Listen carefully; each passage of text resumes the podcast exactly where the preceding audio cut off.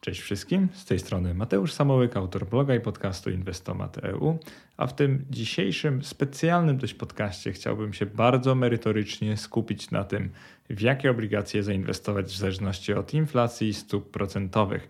To ma być takie krótkie, mam nadzieję, kompendium inwestowania w obligacje, które wydaje dlatego, że myślę, że większość moich odbiorców, w ogóle osób w internecie, nie rozumie do końca sposobu działania obligacji. Inwestuje w nie trochę po omacku. Ja bym chciał to zmienić i właśnie ten podcast będzie takim moim orężem w walce z niezrozumieniem Polaków e, na temat tego, jak działają obligacje. Zwłaszcza skarbowa, ale nie tylko. Spróbuję omówić tu wszystkie typy, ale nie w takim prostym, teoretycznym sensie, jak one działają, bo to być może już wiecie, tylko bardziej skupię się na tym, w jakich warunkach w które obligacje powinniśmy inwestować. Jeżeli jesteś inwestorem pasywnym i na przykład obrałeś sobie już właściwą dla siebie drogę, na przykład inwestuję w obligacje antyinflacyjne przez całe życie, to tak naprawdę możesz tego nie słuchać. Natomiast uważam, że każdy inwestor może włączyć nieco inwestowania aktywnego do swojego życia. I zwłaszcza powinien przesłuchać tego podcastu po to, żeby nie robić błędów, czyli żeby nie kupować tych najgorszych możliwych w danych warunkach obligacji, ponieważ zauważyłem, że to jest bardzo częste, że ludzie po prostu bardzo na ślepo te obligacje kupują i później się dziwią, że są kilkadziesiąt procent na minusie czasami, zwłaszcza jeżeli kupują obligacje notowane na rynku. Jaki jest kontekst do tego wpisu? Nie wiem, czy pamiętacie, ale kilka podcastów portfelowych temu pokazałem taką grafikę. Dzisiaj pokażę bardzo podobną. I ta grafika opowiada w to, o tym, w jakie obligacje inwestować w zależności od inflacji i stóp procentowych. I jej sens jest bardzo prosty, czyli kiedy inflacja jest bardzo niska, kiedy stopy procentowe są niskie, to najlepsze są obligacje zmiennoprocentowe. Natomiast kiedy tylko stopy procentowe rosną, a inflacja dalej jest niska, to się rzadko zdarza, ale jeżeli jesteśmy w takiej sytuacji, że stopy procentowe są, tak nazwijmy to średnie, jeszcze nie powiem co to znaczy, ale że nie są blisko zera, tylko jednak mają jakąś dodatnią wartość, a inflacja jest bardzo niska, no to obligacje stałoprocentowe są lepszym wyborem. I później w miarę jak rośnie inflacja, jeżeli stopy procentowe są dalej niskie, to jest bardzo dobra okazja, żeby przełączyć się na obligacje indeksowane inflacją. E, oczywiście, jeżeli widzimy taką wyraźną tendencję wzrostową inflacji, działa to tak, że jeżeli inflacja jest już wysoka i stopy procentowe niezależnie jakie są, no to pewnie warto zostawić sobie obligacje indeksowane inflacją. I nadchodzi taki newralgiczny moment, w którym inflacja gdzieś powoli zaczyna spadać, stopy procentowe są jeszcze wysokie na jakichś wieloletnich maksimach. W Polsce tak było na przykład, jak stopy procentowe wynosiły 6,75%, czyli przez tak naprawdę długi okres między 2022 a 2023, bodajże dopiero we wrześniu 2023 one spadły do 6% a inflacja powoli gdzieś tam dryfowała, ale w rejony spadkowe.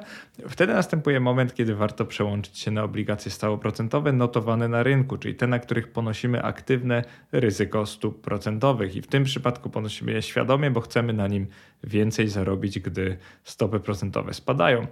Ten diagram może być dla Was bardzo trudny, ponieważ bez wyjaśnienia dlaczego ciężko jest zrozumieć jego sens. Natomiast wniosek pierwszy i chyba najważniejszy jest taki, że jak stopy procentowe są niskie, to niezależnie od inflacji unikajcie obligacji stałoprocentowych, tych notowanych na rynku zwłaszcza. Chodzi o to, że jeżeli stopy wynoszą 0 do, nie wiem, 1, może nawet 1,5%, to dużo bardziej prawdopodobny jest ich ruch w górę niż w dół. I jeżeli stopy procentowe mogą tylko wzrosnąć, a ty trzymasz nisko oprocentowane obligacje stałoprocentowe, to tak naprawdę wystawiasz się na duże ryzyko, czyli że stracisz po prostu, przynajmniej tymczasowo, jeżeli zainwestowałeś w obligacje bezpośrednio, stracisz na, na tym, przynajmniej tymczasowo. Natomiast y, szansa na zysk taki ponadprzeciętny jest bardzo niska, bo tam właściwie nie masz czego ciąć, nie ma na co obniżać. Teraz kontekst do tego podcastu, bardzo ważny, czyli inflacja i stopy procentowe. Omówię tutaj akurat przypadek Polski, bo jest dla nas taki najważniejszy, najbliższy. Jeżeli nie rozumiesz o co chodzi ze stopami procentowymi, to tak najprościej to wyjaśnić w ten sposób, że jak są niskie, to gospodarka się rozgrzewa. Niskie stopy procentowe to jest e, tani kredyt. Tani kredyt oznacza, że ludzie kupują mieszkania na kredyt masowo, że firmy biorą kredyty, żeby się szybciej rozwijać i no ogólnie pieniądz jest tańszy, więc ryzyko takiego zadłużania się jest mniejsze wtedy. Jak jest mniejsze ryzyko, no to firmy podejmują z kolei większe ryzyko biznesowe i dzięki temu szybciej się rozwijają. E, dzięki temu firmy no, szybciej rosną, więcej zarabiają, rekrutują pracowników. E, mamy tak zwany boom, wzrost i wszyscy są oczywiście szczęśliwi. E, jak wszyscy się robią trochę zbyt szczęśliwi, zbyt optymistyczni, to zaczynają za dużo kupować. Jak oni za dużo kupują, to rodzi się inflacja. Inflacja niestety destabilizuje gospodarkę i ma na nią ogólnie negatywny wpływ, jeżeli jest bardzo wysoka, zwłaszcza. Tak jak na przykład u nas była, jak zaczęła rosnąć w roku 2021, w 2022 sięgnęła szczytów, przynajmniej dotychczasowych na poziomach takich 18, około 19%, to oczywiście nikomuś to zjawisko nie podobało i firmy też tego nie lubią, bo stabilność ich biznesów jest trochę zachwiana. Wtedy pracownicy przychodzą po podwyżki. Oczywiście podwyżki trzeba im dać, no bo jak wszystko drożej kosztuje, no to ludzie powinni więcej zarabiać. Znaczy domagają się tego i to ma całkiem ekonomiczne wyjaśnienie.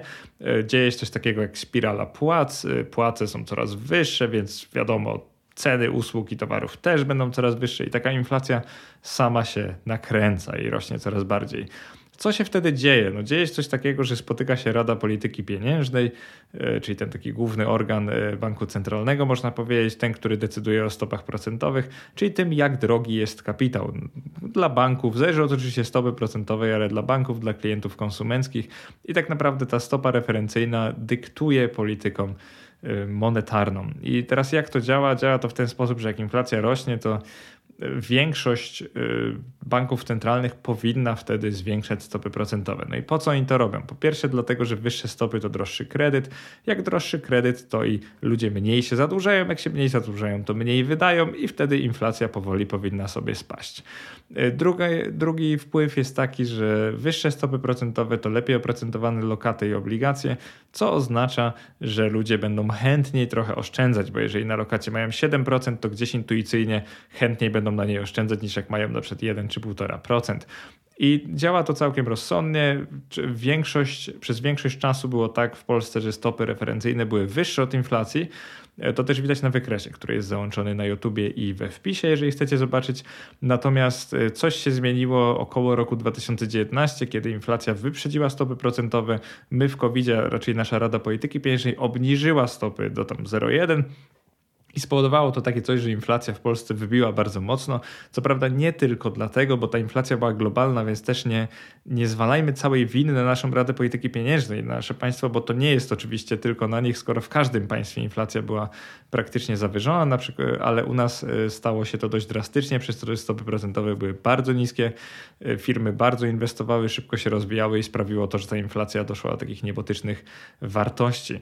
I teraz celem tego podcastu jest wyjaśnienie Ci nie tylko tego, czemu stopy procentowe się zmieniają i jak e, na przykład podążają za inflacją, tylko raczej tego, jak wykorzystać te informacje, żeby na tym zarobić. Krótka wzmianka o tym, jak to było przeprowadzone w Czechach, bo niektórzy wskazują Czechy jako taki bardziej poprawny przykład e, prowadzenia polityki monetarnej.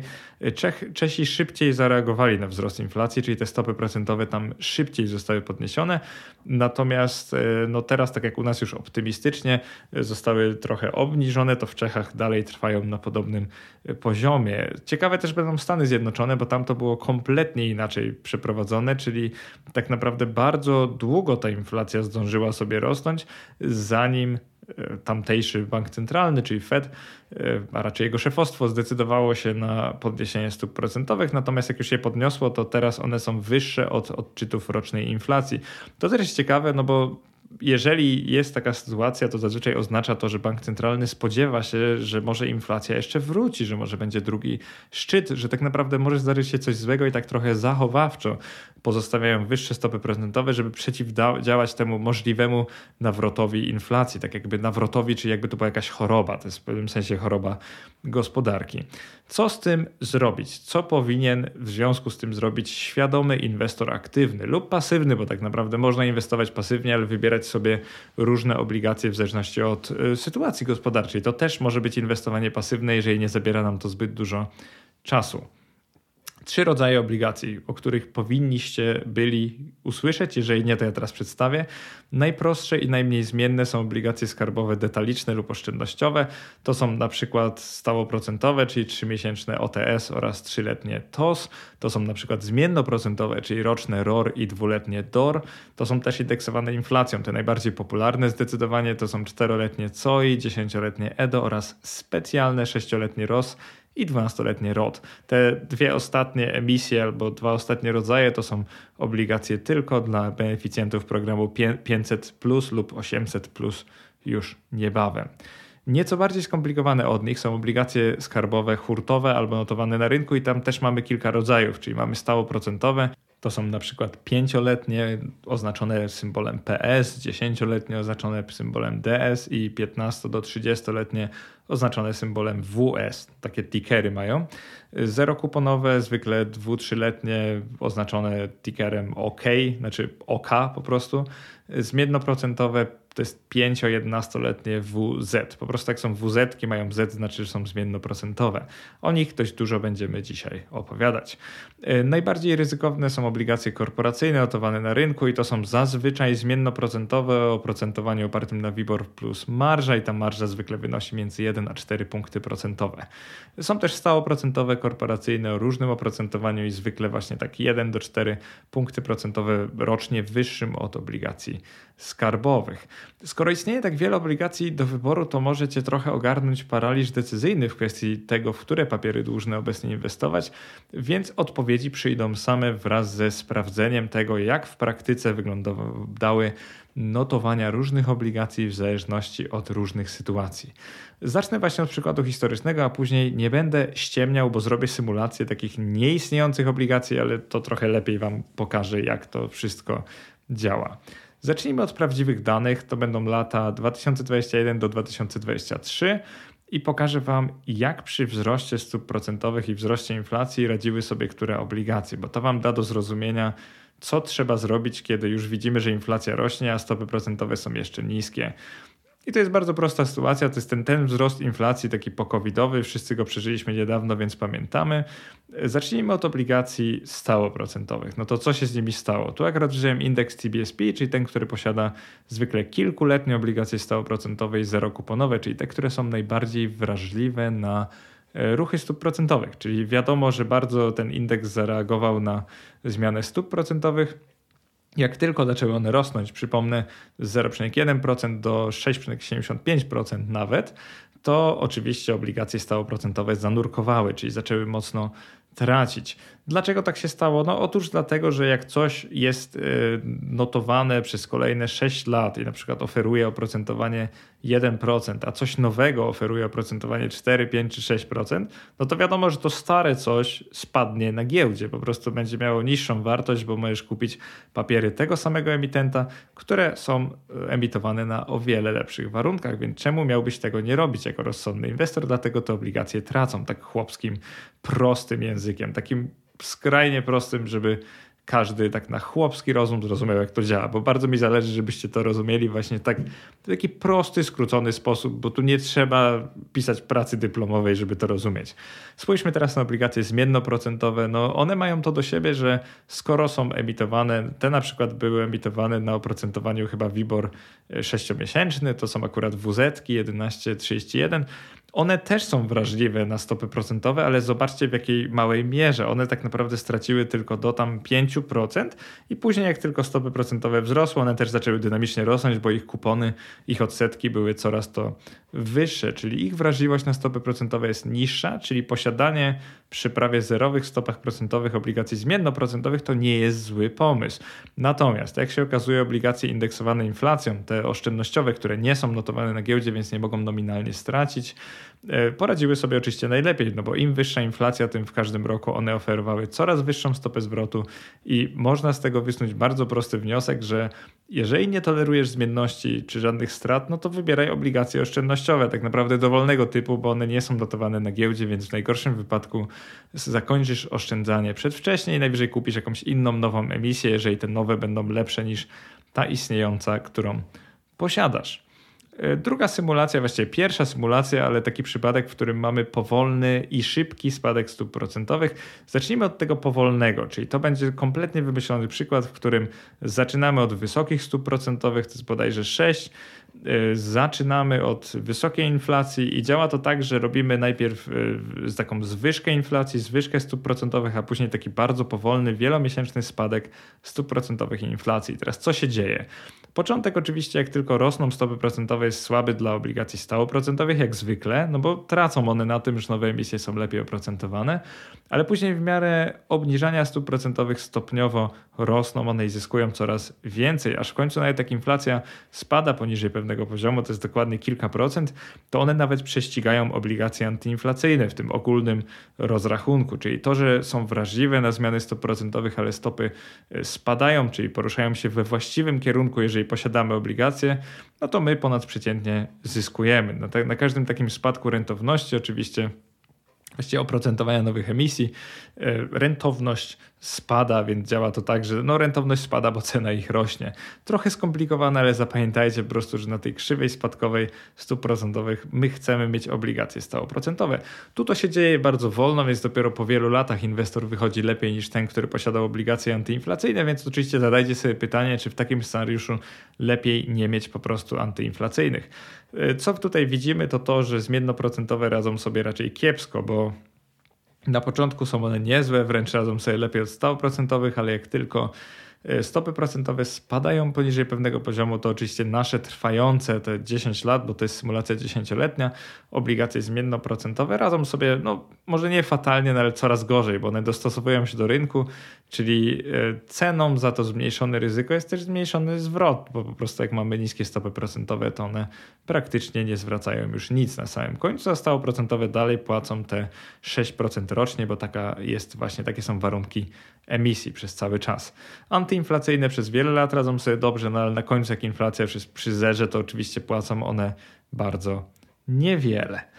Ciekawy jest scenariusz szybkiego spadku inflacji, takiego w ciągu 2-3 lat. To pokazuje wyraźnie, że obligacje stałoprocentowe bardzo szybko zyskują i bardzo szybko przechodzą e, na prowadzenie tego całego wyścigu. I właśnie to jest coś, co powinniście zapamiętać. To jest wniosek trzeci, czyli gdy stopy procentowe są wysokie, to obligacje stałoprocentowe mają największy potencjał do wzrostu.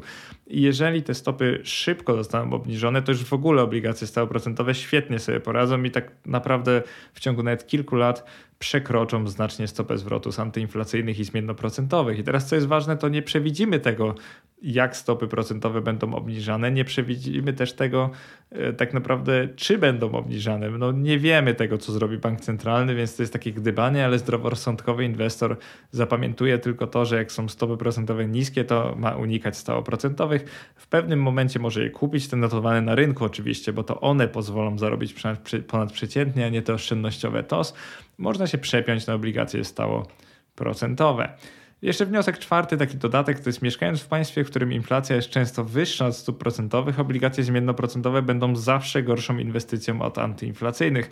To jest taki zdroworozsądkowy wniosek, ale faktycznie jak ktoś mnie pyta, czy w Polsce inwestować w obligacje zmiennoprocentowe, to często zastanawiam się, dlaczego właściwie, czy, czy jest jakikolwiek powód do tego, no i ciężko mi ten powód znaleźć. Bardzo ciekawy przypadek to będzie trzecia symulacja, czyli stabilizacja stóp procentowych. I teraz wyobraź sobie, że Stopy procentowe przez wiele lat są na poziomie 4 do 5% cały czas. Inflacja tak samo, czyli taka trochę stagflacja, czyli inflacja pozostaje na wysokim poziomie i mamy taką stagnację, że w żadnym kierunku się nie rusza i też e, przy okazji stopy procentowe tak samo. Czyli to jest dziwna trochę sytuacja, ale wtedy jak w Polsce by tak było, to oczywiście antyinflacyjne będą rządzić, bo one mają wyższą marżę, czyli nawet jak inflacja jest niska, to one zwykle oferują na przykład 1,5% plus inflacja. A zauważcie, że zmiennoprocentowe notowane na rynku często oferują 0 lub 0,1% plus stopy procentowe, więc siłą rzeczy antyinflacyjne wtedy wygrają ze wszystkimi innymi, natomiast to, co jest naprawdę ciekawe, to jest e, to, co się dzieje ze zmiennoprocentowymi i stałoprocentowymi, bo one idą web w web, bo jeżeli będziemy ciągle mieć wahania stóp procentowych 4 do 5, z 5 do 4,5, z 4,5 do 4, i tak dalej, że po prostu będą się poruszać tak, e, takim ruchem oscylującym, no to tak naprawdę co z tego, że są te zmiany? Stałoprocentowe będą wtedy bardziej zmienne, bo zgodnie z tymi stopami one będą zmieniać swoją wartość, ale w ogólnym rozrachunku zapłacą dokładnie tyle, ile obligacje zmiennoprocentowe, więc po prostu one się poruszają tak samo w scenariuszu stagnacji. Dlatego wniosek numer 5 brzmi: w czasie stabilnych stóp procentowych obligacje stałoprocentowe radzą sobie podobnie do zmiennoprocentowych. No więc po co ponosić ryzyko? Oczywiście nie wiemy, że będziemy mieli stałe stopy procentowe, ale y, pamiętajcie o tym, że stałoprocentowe mają ten ukryty potencjał do wzrostu cen w przypadku spadających stóp procentowych, więc jeżeli załóżmy, że stopy procentowe są wysokie, ale są stabilne, to i tak stałoprocentowe są lepsze od zmiennoprocentowych, bo raczej ruch będzie w dół tych stóp procentowych, a nie w górę. Jeżeli zwłaszcza inflacja nie rośnie, to nie ma za bardzo powodów, żeby zwiększać stopy procentowe. Teraz coś bardzo ważnego dla mnie prywatnie, bo nie wiem czy wiecie, ale przez większość czasu, zwłaszcza jak stopy procentowe są przy zerze, ja inwestuję w obligacje korporacyjne, które te co bezpieczniejsze, notowane na rynku Catalyst, GPW Catalyst. Też mam o nim podcast swoją drogą, jeżeli nie wiecie co to jest i też o analizie takich obligacji.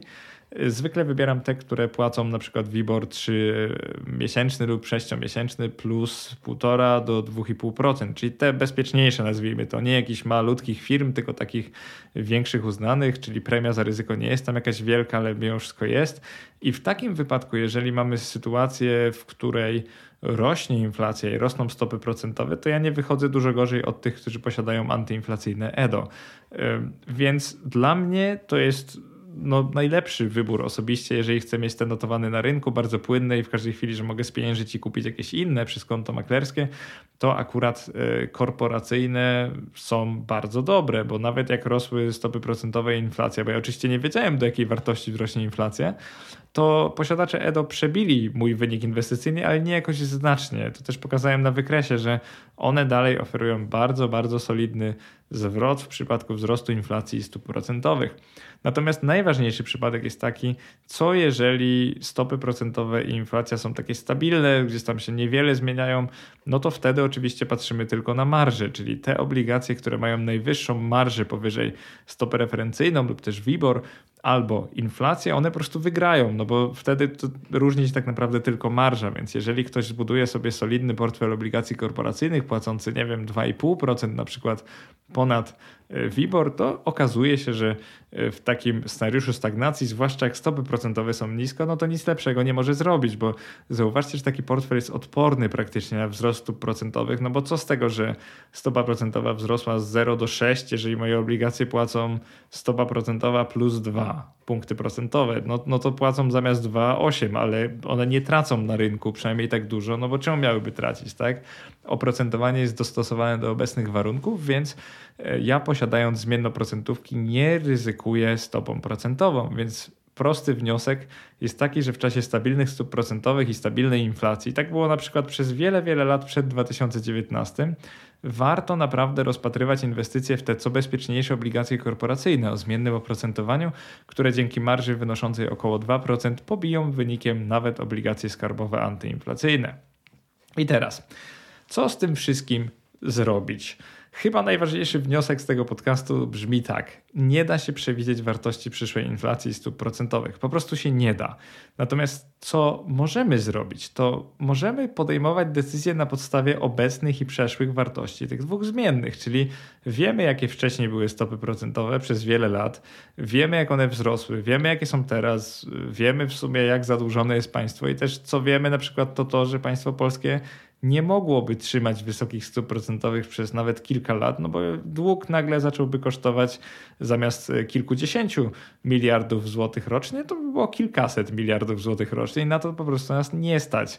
E, to wie tak naprawdę każdy, kto analizuje budżet państwa i nawet teraz przez te dwa lata niespełna podniesionych stóp procentowych, bo jeszcze nie ma dwóch lat, tak naprawdę tylko bardziej półtora, i tak państwo strasznie, że tak powiem, oberwało e, kolokwialnie tym, że stopy procentowe są wysokie, no bo dług już tutaj jest rolowany po tych wyższych warunkach, a dług niestety zazwyczaj jest stało procentowy, więc zamrażamy sobie na wiele lat drogi dług. Więc świadomy inwestor nie bawi się w zgadywanie tego, czy inflacja będzie za rok wynosiła 10, 15 czy 20%, bo on tego po prostu nie wie.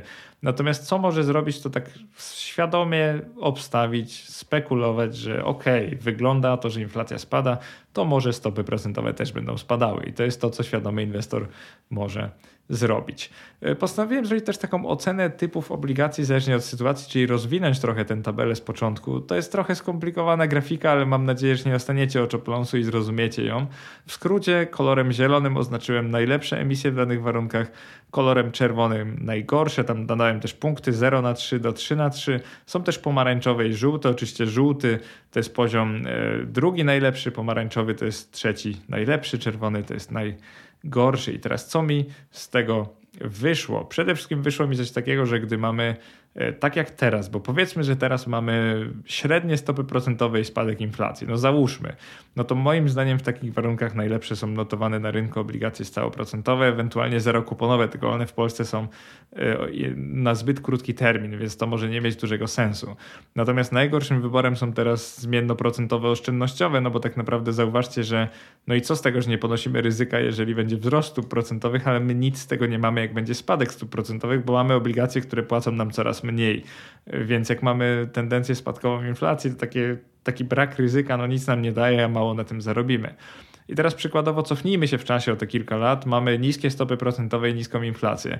No to wtedy najgorsze są obligacje stałoprocentowe notowane na rynku z tego powodu, co mówiłem, bo tak naprawdę nic na nich nie zarabiamy, one płacą 0,5%, może procent rocznie i jak tylko stopy procentowe pójdą do góry, a kiedyś no zazwyczaj idą po iluś latach, to my tracimy.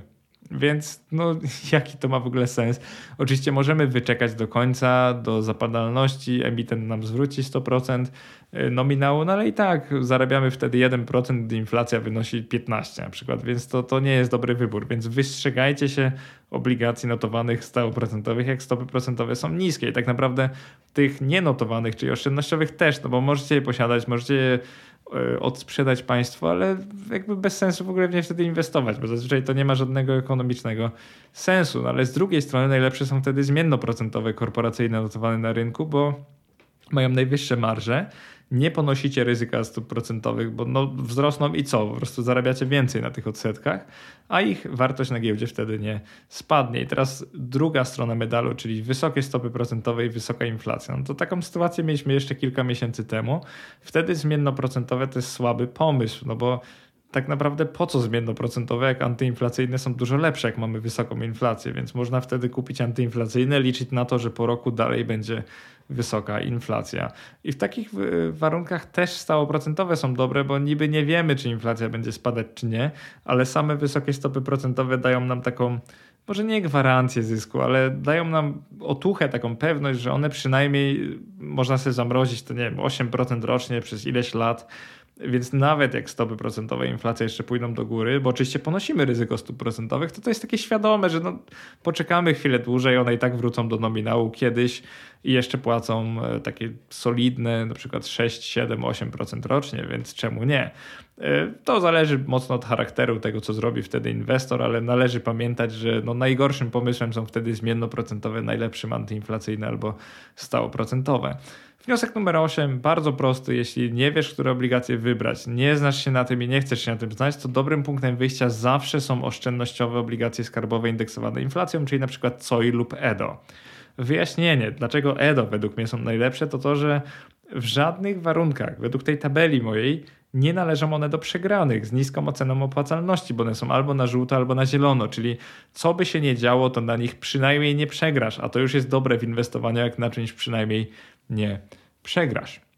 Jakie są cztery sposoby inwestowania w obligacje? Taka tabela podsumowująca cały podcast. Myślę, że najprostszym sposobem jest to, co powiedziałem, czyli zawsze skarbowe indeksowane inflacją. No bo co by nie było, jakie by nie były stopy inflacja, coś na nich zarobisz, bo nawet jak jest deflacja, to przynajmniej płacą marże, a jeżeli inflacja wzrośnie, to oczywiście zarobisz więcej od innych. Najgorzej mieć e, skarbowe notowane na rynku stałoprocentowe przy niskich stopach, i później jak są wysokie stopy, to kupić zmiennoprocentowe. To jest po prostu skrajnie taki negatywny przypadek, tak się nie powinno inwestować w obligacje. Także pamiętajcie, że można, powinno się wręcz robić odwrotnie. I właśnie jaki jest najlepszy przypadek? Jeżeli masz czas i ci się chce, no to niskie stopy, no to kupuj zmiennoprocentowe obligacje, wzrost inflacji, spróbuj zdążyć kupić antyinflacyjne. No jak już inflacja się ustabilizuje i widzisz, że stopy procentowe są wysokie i gdzieś tam inflacja spada, to przełącz się na stałoprocentowe. To nie jest proste i oczywiście musisz później wrócić do zmiennoprocentowych, jak stopy będą niskie, tylko co to właściwie znaczy.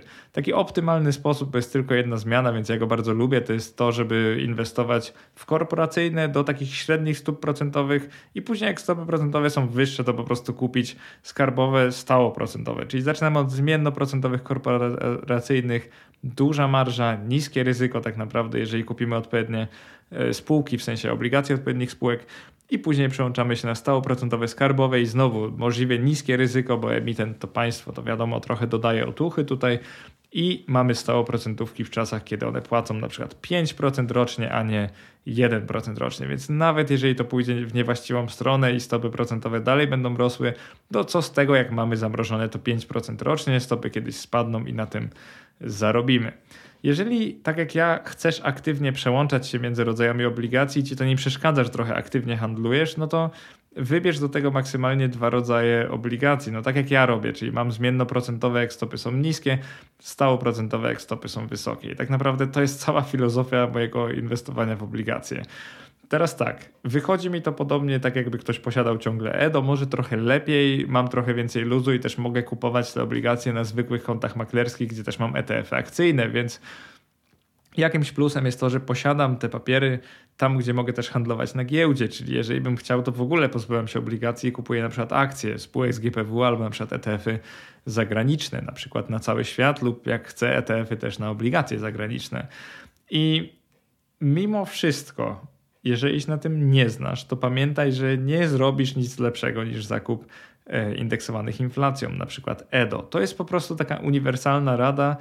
No tam naprawdę nic nie może pójść nie tak. Jedna rzecz, która może pójść nie tak, to pamiętaj, że jeżeli posiadasz zbyt duży udział portfela w tych obligacjach, to ryzykujesz oczywiście upadłość polskiego państwa. To nie jest tak, że ona, nie wiem, że państwo polskie co chwilę bankrutuje, bo jak widzicie od no, kilkudziesięciu już lat nie zbankrutowało. E, no w sensie jak jest ta Nowa Polska, wiadomo, odkąd się urodziłem, 89 to nie kojarzę, że Polska zbankrutowała. E, chodzi mi tylko o to, że to się może przydarzyć. Tak? Państwa jednak co właśnie kilkadziesiąt lat e, bankrutują, więc też pamiętaj, że jeżeli posiadasz same obligacje do w portfelu, to twój portfel jest tylko pozornie bezpieczny. I to jest taki przekaz na sam koniec, czyli mimo wszystko posiadanie akcji z wielu państw, akcji wielu spółek to jest dobry pomysł. Nawet jak te akcje są zmienne, to masz w portfelu wiele walut. Jeżeli coś się stanie z Polską, z naszą walutą, to nie ryzykujesz tak jak inni. Dlatego być może niepopularna w internecie inwestycyjnym myśl, ale taka bardzo prawdziwa i wynikająca z mojego doświadczenia i takich wielu przemyśleń, bo wiecie, dużo myślę o inwestowaniu na ogół, jest taka, że nie zapominajcie o ryzyku emitenta. Nawet jak ja posiadam obligacje korporacyjne siedmiu firm, to czasami może się zdarzyć, że będzie bezpieczniejsze niż posiadanie obligacji korporacyjnych jednej firmy albo jednego państwa, w sensie obligacji skarbowych oczywiście jednego państwa. Więc y, nie róbcie takiego błędu, że macie same obligacje oszczędnościowe indeksowane inflacją i przez to, że one nie są zmienne, bo zauważcie, one nominalnie nie tracą. One nie są notowane na rynku, więc one mają taki przyjemny efekt, że jak tylko je kupimy, to cały czas nominalnie mamy wzrost, więc oczywiście to się bardzo podoba inwestorom. Jeszcze później jest ta akumulacja, więc w ogóle ten wzrost wygląda naprawdę świetnie. Natomiast nie zapominaj o tym, że jak 60% portfela masz w EDO, a coś się stanie z państwem polskim, no to po prostu dużo stracisz, więc pamiętaj o tym. Podsumowując, wniosek numer 10. Rentowność obligacji to jedno, ale nie zapomnij nigdy o bezpieczeństwie i przede wszystkim nie trać zainwestowanych w obligacje pieniędzy. Co to znaczy? To znaczy właśnie nie wybieraj zbyt niewielu emitentów, to znaczy nie lokuj całego portfela w obligacjach tego samego emitenta. Jeżeli coś się z nim stanie, to tracisz wszystkie swoje pieniądze. To się tak naprawdę niczym nie różni od inwestowania w akcje tylko jednej spółki.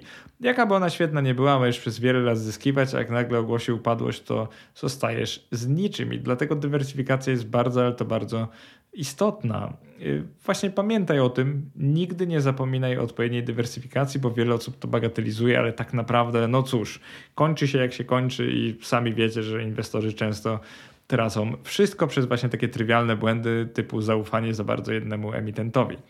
Reguły, które przedstawiłem w tym podcaście są dość uniwersalne. Myślę, że nie będą się jakoś bardzo zmieniać i czego by rząd i Rada Polityki Pieniężnej nie robili, to możecie pamiętać, że niskie stopy procentowe unikajcie stałoprocentowych, wysokie stopy procentowe unikajcie zmiennoprocentowych i to jest tak naprawdę podstawa inwestowania w obligacje. Ciężko naprawdę jakoś obalić te tezy. Ja próbowałem, ale no nie mogę znaleźć argumentów E, na coś innego. No i oczywiście najważniejsze, jeżeli nie chcesz się w to bawić, aktywnie przyłączać, no to antyinflacyjne EDO to jest taki prosty zamiennik aktywnej strategii, który przyniesie podobny wynik, więc po co przepłacać, po co przesadzać. Mam nadzieję, że podcast się podobał. Jeśli tak, to pamiętaj o polubieniu mojego profilu na Twitterze, czyli X, e, też na Facebooku mam profil, więc obserwuj go. Też zachęcam do dołączenia do grupy na Facebooku. No i najważniejsze, oceń ten podcast, subskrybuj kanał na YouTube, jeżeli jeszcze tego nie robisz, bo to mi bardzo pomaga w uzyskaniu większych zasięgów. Bardzo dziękuję i do następnego. Cześć.